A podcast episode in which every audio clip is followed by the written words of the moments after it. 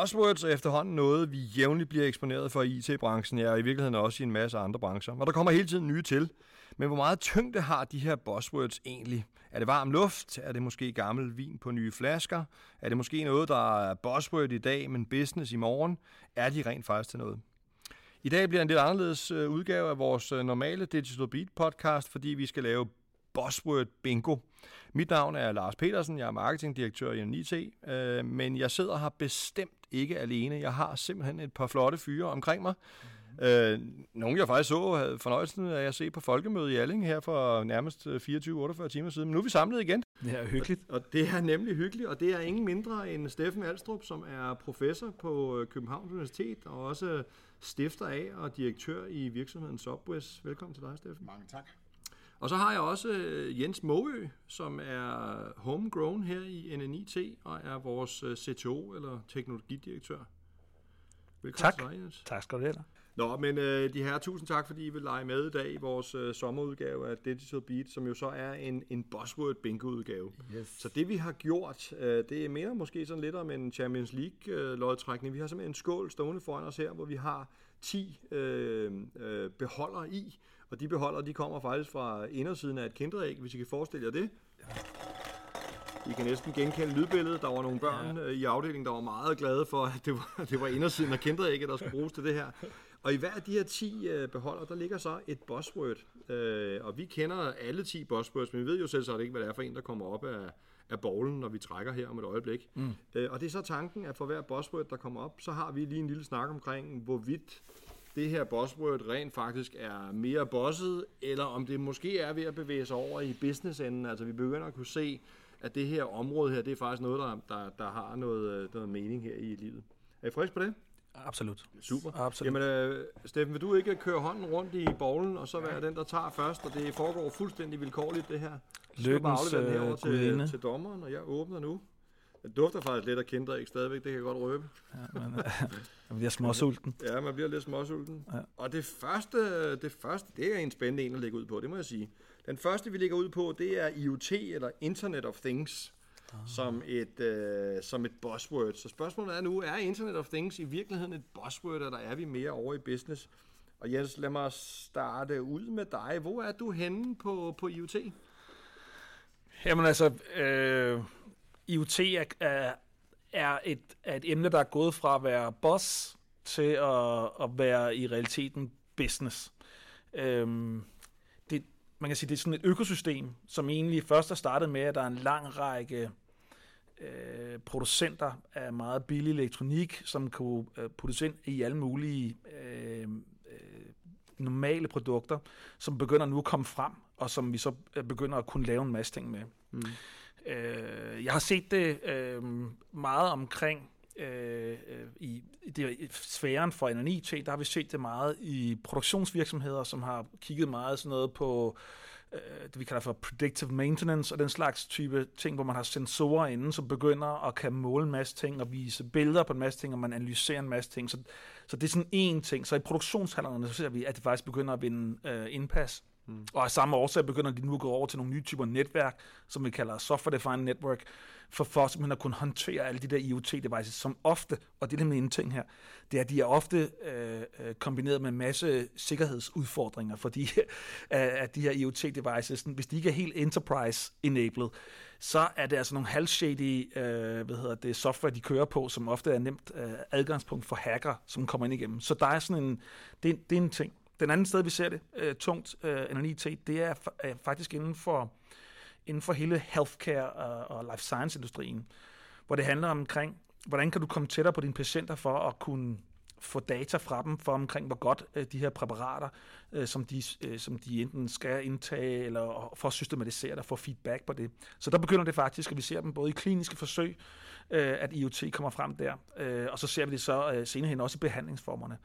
Så det er et enormt område, som nu begynder at gå ud, og vi ser, vi ser også normale producenter, altså Velux-vinduer, som begynder at putte IoT i deres øh, mm. vinduer for at putte mere altså værdi ind i det, og kunne give dem nogle ting. Øh, vel sagtens ser vi det også. IKEA begynder at putte masser af produkter ud nu. Ja, altså rullegardiner, der kører op og ned, og du kan styre med apps og sådan noget.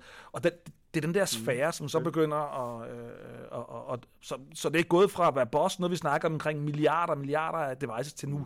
nu rammer de rent faktisk Alting bliver internet-connected, og nu ja. er alting bare internet Ja, absolut. Meget, meget spændende. Steffen, du er vores øh, data- og algoritmemand her i dag, øh, så jeg tænker på, at øh, som en, der lever af data og får det ind i algoritmer, så er du super happy omkring IoT'er, og, og tænker også, at, eller IoT, og tænker også, at det er mere business, end det er boss i dag.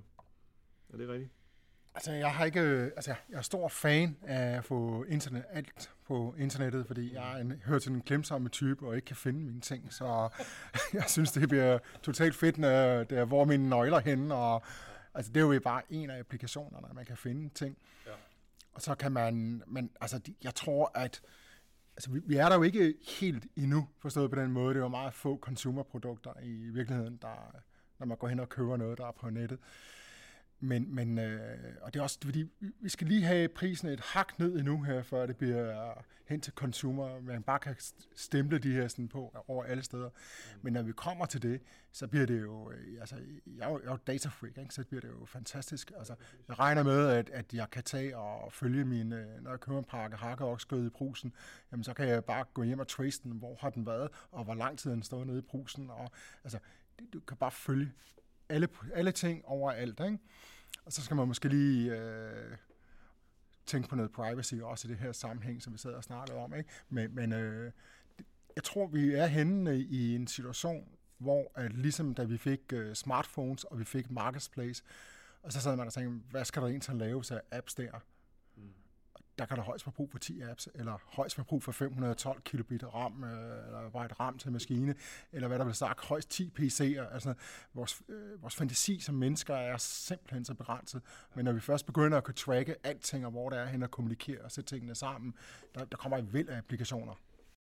Og prøv at høre, det er jo et økosystem. Det er helt rigtigt det her. Det er et økosystem, som, som i virkeligheden, når man går ind og snakker IoT, så skal vi også kigge hen imod 5G. Så, så IoT-enhederne, altså jo, jo bedre vi kan gøre det i forhold til at kunne kommunikere med internettet, det vil sige, at øh, med hensyn til batteri, det vil sige, at den skal bruge mindre signal til at kunne snakke på internettet, jo, jo mere enabled bliver det her. Så det handler også om timing. Så det, det virkeligheden handler omkring her, det er, hvor, hvor gode er vi til at kunne få prisen ned på de her IoT-devices, som bliver produceret ude i Østen for det meste.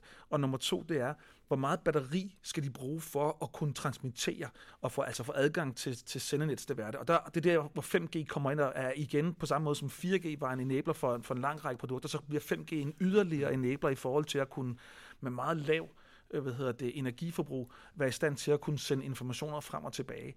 Så det er sådan noget selvforstærkende. Jo, jo bedre de her sådan, øh, økosystemer bliver til at kunne øh, sende data, så kommer vi til at se, at der kommer mere og mere funktion ind omkring. Men altså, og, ja. Så, så hvis, jeg, hvis jeg hører rigtigt, så, vil I, så kan vi konkludere og sige, at det her det var buzzword for, for fem år siden. I dag er det i høj grad business men pilen peger også i retning af, at det bliver ultra meget mere business. Ja, ja virkelig. Vi prøver, jeg tror, at vi ser små ting på nuværende ja. tidspunkt, og når vi snakker edge computing, ja. som jo er virkelig det, vi snakker omkring, hvor vi starter nu, alting ender i skyen, så snakker man så, hvad er skyen? Jamen, det bliver edge computing. Hvad menes der i øvrigt med det? Jamen, det menes virkelig, i stedet for at vi centraliserer al information i, i skyen for at kunne processe det, det man nu snakker så omkring, det er... du at forklare et buzzword med at bruge et andet Ja, det gør jeg nemlig. Det, altså, det ja, ja. synes jeg virkelig, at du, at du jamen, tager jo måske livet af de der kugler. Ja, men i, i, pointen er nemlig, at edge, edge computing... altså... Edge computing er helt ude på kanten. Ja, jeg er ked af det. Altså, men, men, det er det næste. Hvad spiser skyen? Edge spiser skyen. Godt. Jeg, jeg er ikke sikker på, at den er med, men vi, jeg vil faktisk gerne have lyst til at rykke videre, for jeg tror, I var en, lidt enige i min konklusion før. Så vi har nu overstået den første. Du ja. har så lige krydret vores hverdag med ni andre buzzwords. Stærk, Jens. Du, der kommer spin-offs på den her podcast. Ja, det gør der. Men vi går videre i uh, Champions League-bowlen her, Jens, og, ja. og kører nu den godt rundt, så vores lytter virkelig får fornemmelse af, at det, ja, ja, ja, ikke, ja, ja, det er ikke fake. Ja, ja, og så skal ja. du give den til mig, og så, ja, så, så jeg den. Den er så gul og ikke orange, men ja, jeg tænker, der er indhold her også, ja. Er I spændte? Ja, meget. Oh, det er jo også en lækker bisken til vores øh, algoritmemand. Big Data. Se, det er der jo blevet råbt og skrejet i alle kanaler en, øh, en del år. Øh, jeg vil tro, Steffen, du er en mand, der vil sige, at vi er gået i gang med at udnytte Big Data. Eller? Jamen, jeg synes, hvis vi tager den lidt sjove vinkel på først her, så var bossordet før Big Data, det var Massive Data. Og i min optik, så er Massive jo betydeligt større end big, så, vi, vi, så I, når man kigger på bossord, så er vi faktisk gået ned i datamængde i en eller anden forstand. Det var gag, ikke? Small data blev også meget hot undervejs, så det, Gjorde det det, det? bliver mindre og mindre. det bliver mindre om micro... Altså, Netstrøm og andre, så er det small data, der tæller. Ja, og så microdata må være det næste, ikke? Ja, Eller, ja. Ej, hvad hedder det? Big data, det handler jo om, øh, det er jo en kæmpe plomfet, ikke? Der handler om, at vi får masser af data tilgængeligt. Og de her sådan, uh, Internet of Things, vi lige sidder og snakker om, jamen, det er jo en uh, accelerator, uh, kæmpe dimensioner for... Så, så hvis, øh, hvis vi siger, at Internet of Things øh, går amok, så skal vi også sige, at Big Data går amok. Men i øvrigt, altså, det er jo sådan et buzzord, som er gået lidt af. Er det ikke det? Jo, Jeg synes, det er sådan lidt kikset og snakket. Altså, vi, jeg synes jo, altså, fordi når det er i den der sfære der, så er det jo meget mere nogle andre ord, vi bruger øh, øh, som, som bossord nu, i stedet for at snakke øh, big data. Det var, sådan, det var en ting, ikke? ja. Øh, Så og der er måske både boss og business, så er der lidt kikset i virkeligheden. Ja, Det fordi det er jeg synes, der, der kom nogle andre flavors på det, Ja. ja. bare, øh, som, er blevet, som har overtaget den der agenda, øh, data-agendaen. Så sådan big data, det er ikke det, man står derude. Øh, jeg tror, vi bliver mere konkrete på det, men jeg tror sådan efterhånden, der, det er noget, vi har snakket om nu i fem år, ikke? Øh, Men det er vel også bare, fordi vi nu bare lever i det. Altså, det er blevet hverdag, så derfor er det at gå og label det på den og måde... jo, vi, jo- jo, prøv, vi, vi snakker alle sammen om data. Prøv, vi har lige været på folkemøde, hvor vi snakkede meget omkring brugen af data, og hvad man, hvad man i øvrigt kan bruge den til. Og nu, altså, nu er vi kommet så langt, vi begynder at snakke om etik, altså øh, om, omkring brugen af data. Øh, øh, og, men, og i virkeligheden så er vi over i nu at praktisere det ude for, ude i forretningerne. Men nu snakker om, hvad er det, hvad var det, sagde, var det kikset ordet, eller ikke Ja, kikset? det var, det var en ny kategori, den er ikke Ja. planlagt. Jamen, jeg tog øh, ikke i, inde i Google Trend, der tog jeg og testede øh, ind øh, big data, machine learning, deep learning, en hel masse af de her bossord. Og det, det man kan se, det er jo, at det faktisk går op og ned, altså så bliver det populært, og så, så er det ikke populært. Det skifter ligesom, hvem der er i føretrøjen. Og jeg har, jeg har også øh, en udlægning af det der, jeg har tit journalister, der ringer til mig, og så siger de så til mig, Steffen, øh, fortæl noget spændende, og så siger jeg måske big data, så siger de så, ah, det er godt nok øh, gammeldags, ikke? Den har vi hørt før. Så siger jeg så til dem, AI, og så siger de, ja, det er fedt, Steffen, sig noget der, ikke? Og AI, det var jo så, altså det var sådan et begreb fra 50'erne, der også var populært på et øh, tidligere tidspunkt. Det gode ved journalister, ikke? fordi jeg løber jo tør for ord på et eller andet tidspunkt, ikke? og det gode ved de der journalister der, det er, at de har nogle kommelser, der højst varer et år. Så jeg kører faktisk sådan en cykel med alle de her ord her. så er det bare et nyt væg, altså, ja Journalisterne er happy. journalisterne er happy, alle er happy der. Men, men når det så er sagt, så, så er jeg fuldstændig enig med Jens, at at det er ikke lige nu her, hvor man får et stort publikum ved at sige big data. Udmærket. Det er et godt råd til marketeers derude også. Ja. Det bliver hurtigt en marketingpodcast, ja. det er stærkt. Så, så, så, så, så kan man sige, at big data, det er i høj grad en del af vores business i dag, og dermed er det egentlig blevet sådan lidt for hygiejne og lidt for kikset at stå og tale om det. Ja, Nu, nu, nu taler vi om noget andet. ja. Det er fair nok. Okay. Det er ikke boss, hvad fanden, Det er så meget ikke- kan jeg sige. Nej, Det er det ikke. det er det ikke så bosset, nej. I den positive forstand. Ja. Nej. Altid. Jamen, jeg, vi ræser videre, fordi der er jo 10 ting i bowlen, og vi har kun været to igennem, og vi skal jo ikke holde vores lyttere hen i to timer. Så jeg tænker, at du lige kunne tage en mere der, Steffen. Det er ikke ambitionen, vi kommer alle 10 igennem, det vil jeg sige. Vi, øh, vi går nok efter en 3-4-5 stykker, men lad os nu se. Jeg ser, vi, Det er uh, den tredje, det der. Det er den tredje nu, ja. Det er Ja. den tredje. Du vil være træt, siden du siger 3-4-5 stykker. Ja, Jamen, jeg ved jo ikke med jer to, og Jens har meget lange svar. Har du ikke men det har jeg bliver også ked af. Så det, og det her, det er jo ikke på den måde rehearsed, Ja. så man skal jo ligesom... Øh, Det er jo mit... Uh, Nå, altså Steffen, det virker som om, den, den trak du den her, det er jo så, okay. det er kunstig intelligens, jeg har fået op af hatten her, ja. eller artificial intelligence, eller AI, om du vil. Ja. Øh, så hvad, vi kan vel bare åbne gulvet op til dig, Steffen, og sige, hvad er det der kunstig intelligens kommet for at blive? Altså, der er et sjovt svar, det er jo, øh, at det vi synes er kunstigt i, i dag, synes vi jo helt naturligt i morgen. Så der er jo rigtig meget af det, man kaldte for kunstig intelligens for 10 år siden. Det sidder vi i dag og siger, det tænker vi ikke over, det er der bare, ikke? Øh, hvis jeg skal, nu, men det er jo ikke det, det handler om, det her podcast. Det handler om, hvad er nyt, og hvor vi på vej hen, og så videre. Så inden for AI, der har jeg tre steder, hvor jeg siger, der, der sker noget. Og det er inden for tekst og lyd og billede det er computeren blevet rigtig god til at forstå. Og det er ikke sådan, at der er sket en eller anden øh, kæmpe revolution, at vi har opfundet en, en eller anden mærkelig ting i går. Det er simpelthen stille og roligt en progression, der har været, hvor det er blevet bedre og bedre og bedre. Og nu er vi bare kommet til et punkt, hvor maskinerne inden for de her tre områder er blevet bedre end mennesket rent, øh, ret ofte her.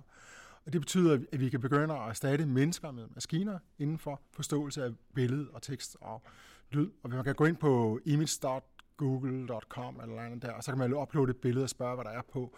Og der begynder Google simpelthen bare at være bedre end, øh, ja, der er bedre træfsikkerhed i dag, end mennesker har. Og det er noget, der lige sådan er sket her. Og hvis man kigger på, hvad betyder det egentlig, jamen det, det var, at hvis vi nogle spoler nogle år tilbage, så den måde, man kunne interagere med almindelige brugere på, det var sådan med fjernbetjeninger, hvor man sidder og klikker med skifte programmer og så videre der. Når man lige pludselig skal begynde at kan interagere med brugerne ved, at, at de kan på tale, og de kan lave armbevægelser og sådan nogle ting, jamen så vælter det bare ud med applikationer. Den vildeste af de her applikationer her, som alle snakker om, det er jo de her selvkørende biler, og der bliver det så til gengæld totalt øh, hype i min optik. Jeg, jeg har sagt de sidste fire år, fem år, at øh, de her selvkørende biler er, det er Kreisers nye klæder. Og jeg ved, jeg ved simpelthen ikke, hvor mange professorer jeg ikke har mødt, der har set dem og kørt i dem osv., og de findes jo ikke, så det er jo, det er jo, det, er, det er jo morsomt. Altså, men det er jo ligesom et eller andet med, hvis alle andre har kørt en selvkørende bil, så har jeg også gjort det. Ikke? Jeg har selv en fed bil, der skulle være selvkørende, en Tesla og sådan nogle ting, men trust me, den er, den er fed, men den er ikke selvkørende. Den, så er det i hvert fald dødskørsel. Og, det, og jeg vil sige sådan her, det er jo et interessant, fordi i, øh, jeg tror det er Florida, har de som den første stat nu i øh, USA, netop, som jeg tror her over weekenden, øh, godkendt af hvad hedder det, selvkørende biler uden supervisors i nu. Det vil sige, nu er man, altså nu er man simpelthen godkendt, at der, ikke, der skal ikke være, der er alle de andre steder, der, der er der altid skulle sidde en eller anden person, som skulle være i stand til at kunne tage rettet mm, og, gøre, og gribe ind og sådan noget. Samtidig har de også defineret omkring, hvem er der har skylden. Øh, for der har jo været nogle uheld, og hvor man så egentlig er sluppet sådan forholdsvis billigt fra det, fordi man sagde, at ham fyren, der egentlig skulle være til stede, han var lige uopmærksom og så er man sådan kommet billigt sted. Men nu er man faktisk begyndt at sætte det her, altså som i lovgivningen nu, og nu tillader man det, hvor der ikke er nogen altså til stede. Det har, men Jens, det har jo været det, har jo været det samme i, i, i Tivoli i Danmark de sidste 100 år. Der har vi haft uh, veteranbilerne, der har kørt, uh, hvor der ikke har været nogen, uh, de har været selvkørende, og der ikke har været nogen, uh, det har også været lovligt, ikke? Altså, det kommer... Men det, der, jamen, det, jamen, det er bare fordi, når jeg, undskyld, jeg lige går ind her, fordi jeg, jeg har hørt det der så mange gange her med de her selvkørende biler, og lige nu, og, jeg, og det er lige om lidt og sådan nogle ting, og når man så går ind og kigger på det, jamen, så er det sådan nogle lukkede træningsbaner og sådan nogle ting, og vi har haft sporvogn, og jeg, jeg er hvis du kan bare gå ind og kigge på specifikationerne, de her nye, moderne, selvkørende biler her i gåsøjne, og de, de, der er, altså dem jeg har set på, så har de en øh, sådan en literradar, der sidder foran. Den er farveblind, det vil sige, at den kan ikke kende forskel på gule og hvide striber, hvilket er essentielt i vores trafik her. Så, har den, øh, så er der kamera, men der er ikke nogen vinduesvisker foran, så de her sådan, øh, så med mindre man påmonterer de her vinduesvisker der, så er den rimelig blind, når det er dårligt vejr. Så det, det, det er sådan en, øh, altså bare ud fra hardware-specifikationerne, bliver det meget tydeligt for mig, at den har simpelthen ikke tilstrækkelig input. Og det var også noget af det, i de mere seriøse debatter, jeg sidder, der, jeg sidder og læser, hvor man så siger, hvad er det for noget hardware, der overhovedet skal til? Den er der ikke endnu. Jeg læste op på det her for mange år siden, der ligesom kom, så kan jeg huske, at vi sådan kategoriserede det.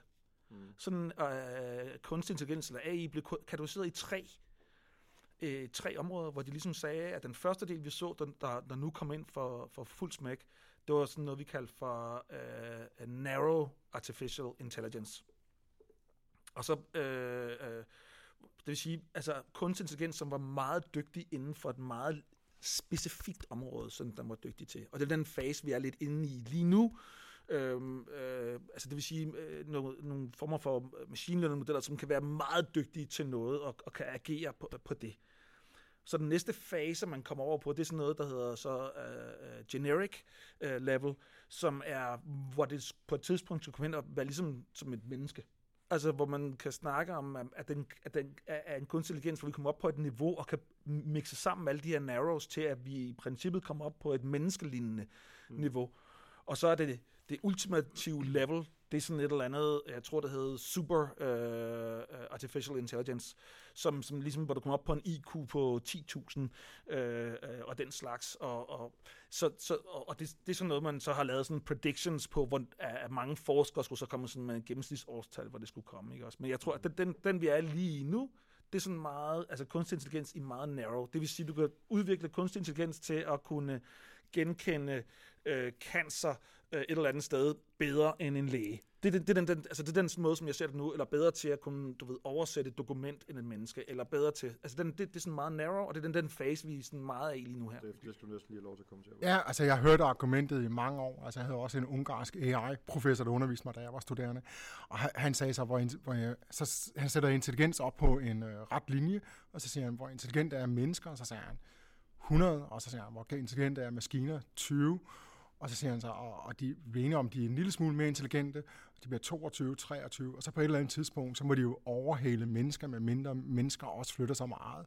Men det er sådan en betragtning om, at ud fra det er en logik, der baserer sig på, at intelligens er en lineær størrelse, og den er jeg ikke, øh, den er jeg ikke sådan, øh, 100% overvist om. Jeg, jeg vil sige det på den måde her med hensyn til selvkørende biler. Jeg tror på, ude på motorvejene, der får vi, specielt hvis vi sætter nogle sensorer op i vejen, øh, og noget Internet of Things og sådan noget der, mm. så, kan, så skal vi nok få lov til at køre derude, uden at koncentrere os særlig meget om det. Inde i byerne, der kommer det til at gå rigtig lang tid. Jeg har talt med Vej- og Matrikelstyrelsen, og de har været ude at prøve alle de smarteste biler, de smarteste steder, og de har en forventning om, at i Danmark vil man forholdsvis have selvkørende biler i år 2080. Så der er sådan en, en lille men, men, horisont til det. Men Steffen, hvis vi lige tager den over på din egen øh, hjemmebane, i hvert fald med Subways, ja. hvor vi snakker, der snakker vi ikke om bilkørsel, men der snakker vi om chat. Øh, chatbots.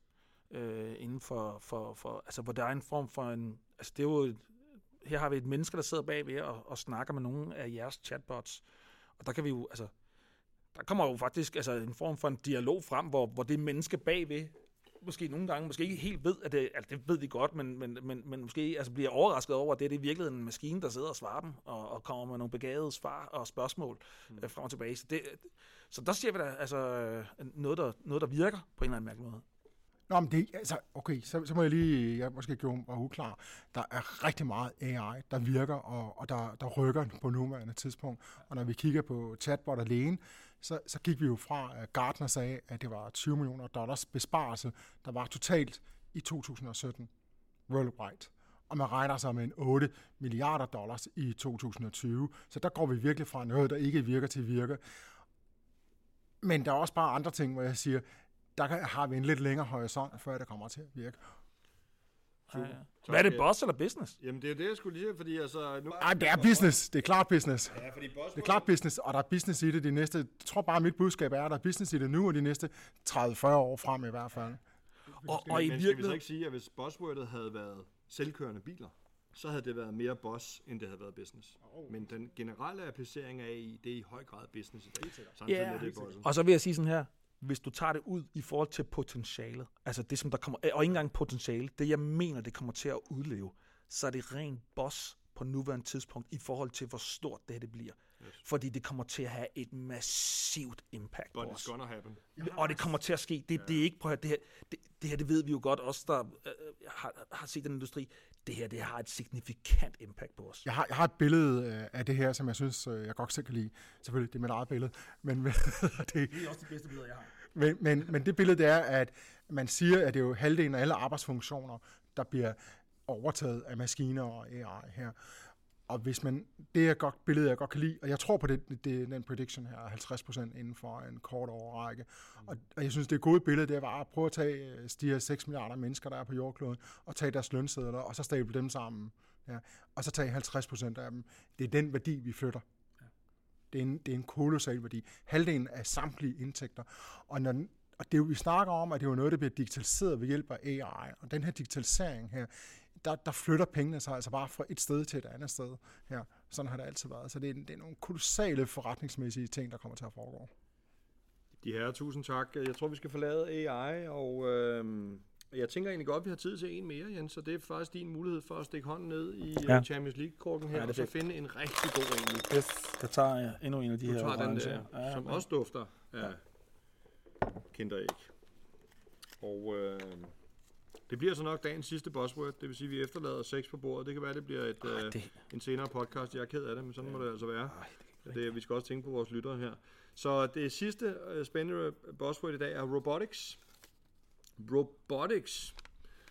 Nu har vi jo lige været omkring uh, kunstig intelligens, og robotter hænger jo et eller andet sted lidt sammen med det. Ja. Vi kan tale software-robotter, vi kan tale de mere uh, humanoide robotter. Jens, vil du lægge ud? Uh, du trak den. Den kommer lidt fra den anden ende af, ja. egentlig. Så, så, så hele det der robotics, eller RPA, uh, hvis det er det, vi snakker omkring, altså noget robotic process automation og sådan noget, det kommer ud af, af en simplificering af en, uh, af en masse almindelige skærmtaster, som laver en masse almindelig arbejde mm. øh, i en masse digitaliserede virksomheder, hvor man så har en masse interfaces, hvor man i dag har mennesker, der sidder og tager imod informationer og og taster dem pænt ind i en masse regneark eller systemer, for så ligesom at, at gøre nogle ting, og hvor de så bliver den måde, og, og ligesom ageret et interface imellem faktisk flere systemer. Mm. Og det ser vi faktisk nu bliver automatiseret i stor stil, øh, øh, både i det offentlige, men også i det private. Så en masse af de processer, som, øh, som vi gør, øh, og det er en, ofte en, det er en billigere måde end at, egentlig at integrere dem systemmæssigt mm. øh, sammen. Øhm, og vi har, vi har alle dage talt automatisering som værende ja. den hellige gral, så ja. er robotics i virkeligheden bare det nye ja, det er det. ord for ja, det er det. Og, og, ja, og jeg synes egentlig, at hvis man... Det sted, hvor jeg ser den, sådan, når jeg kigger ud på dem, der, sådan, øh, der leverer øh, systemer til, til at lave sådan noget RPA og den slags, de kommer faktisk lidt fra den anden verden af, hvor de kommer sådan fra meget simple makroer, man optager meget nemt, til over i sådan noget scripting, og nu begynder de faktisk at bevæge sig ind, ind i AI-spacet altså og bruger noget af den funktionalitet, som man så kender fra således, de begynder at integrere, at de kan genkende billeder, og så siger de sådan, så det her, så kan de så, så kategorisere det og alt muligt andet. Så, så, så de kommer sådan fra den anden ende af, øh, hvor det var meget simpelt øh, procesarbejde, den automatiseret, og nu bliver det meget, meget, meget avanceret. Mm. Øh, så, så rimelig øh, interessant marked, og vi ser jo, altså, jeg ved, Københavns Kommune, apropos øh, årets CIO, der har de lavet en del af det også derinde, og har haft deres egen, øh, jeg ved, at øh, ATP også har lavet en masse på, på, på det mm. område her. Men i øvrigt, altså det er der mange, der har. Ja. Steffen, hvad tænker du om uh, robotics? Jamen altså, hvis vi tager første software-robotterne, altså, så er de jo blevet implementeret godt og grundigt mm. alle steder. Og, og det der det, men det, det betyder så også samtidig, at en proces, hvor man har fået styr på sine data, og når man har fået styr på sine data, så kan man begynde at øh, komme det kunstig intelligens oven på det lag. Så jeg tror rigtig mange af dem, der er kommet igennem den proces nu med at få styr på API'en, at de skal til at have noget AI ind. Hvis vi hopper over på de mere mekaniske robotter, mm. så så jeg en uh, robot for et par måneder siden, og jeg tror, det var, den fungerede på den måde, at der blev kastet 10 terninger ud på bordet. Det vil sige, det var et bord inde i klasserammen. Og så robotarmen, den øh, tog så øh, sekserne og placerede hen i en holder til seks, sekser terninger og fem og hen til fem terninger. Så den sorterede de der terninger. Og den tog altså de der 10 terninger. Jeg, jeg ved ikke, om det var et sekund eller to, den gjorde det på. Men man forgættet, at et menneske kunne gøre det. Ikke? Og det, det, det, det var vildt imponerende at se på. Men det er jo også en kombination af, fordi den skal jo genkende, at det er en sekser. Det vil sige, her der snakker vi billedbehandling. Mm. Så det her, de her robotter, de her mekaniske ting her, de begynder jo netop at kunne, på godt dansk, at kunne sparke røv, hvis man, fordi, at de, fordi at de kan genkende, hvad er der på de her billeder her. Der. Og det er netop den her sådan, øh, kombination af det, vi snakker om i starten, med lyd og billede og tekst, kombineret med det mekaniske, det der gør, at man kan, denne interaktion, der foregår, og det er også det, når, når man har en robot, hvis man har den derinde, at man kan snakke til den, og den så gør noget. Fordi i det øjeblik, vi sidder med det her tv-fjernbetjening, og skal sidde og klikke os øh, sammen sekseren op, eller pege på den med en infrarød, eller hvad ved jeg, altså, så går det langsomt, men når vi lige pludselig begynder at kunne forstå billederne, så går det hurtigt. Ikke? Mm. Og det, jeg, jeg synes jo, at altså, hvis man skulle prøve at koble det sammen, til hvorfor er det, at den her sådan, øh, fire, hvorfor, hvorfor er vi i, i virkeligheden den her fire industrirevolution? Mm. Så er det fordi, vi ser, at teknologi bliver demokratiseret.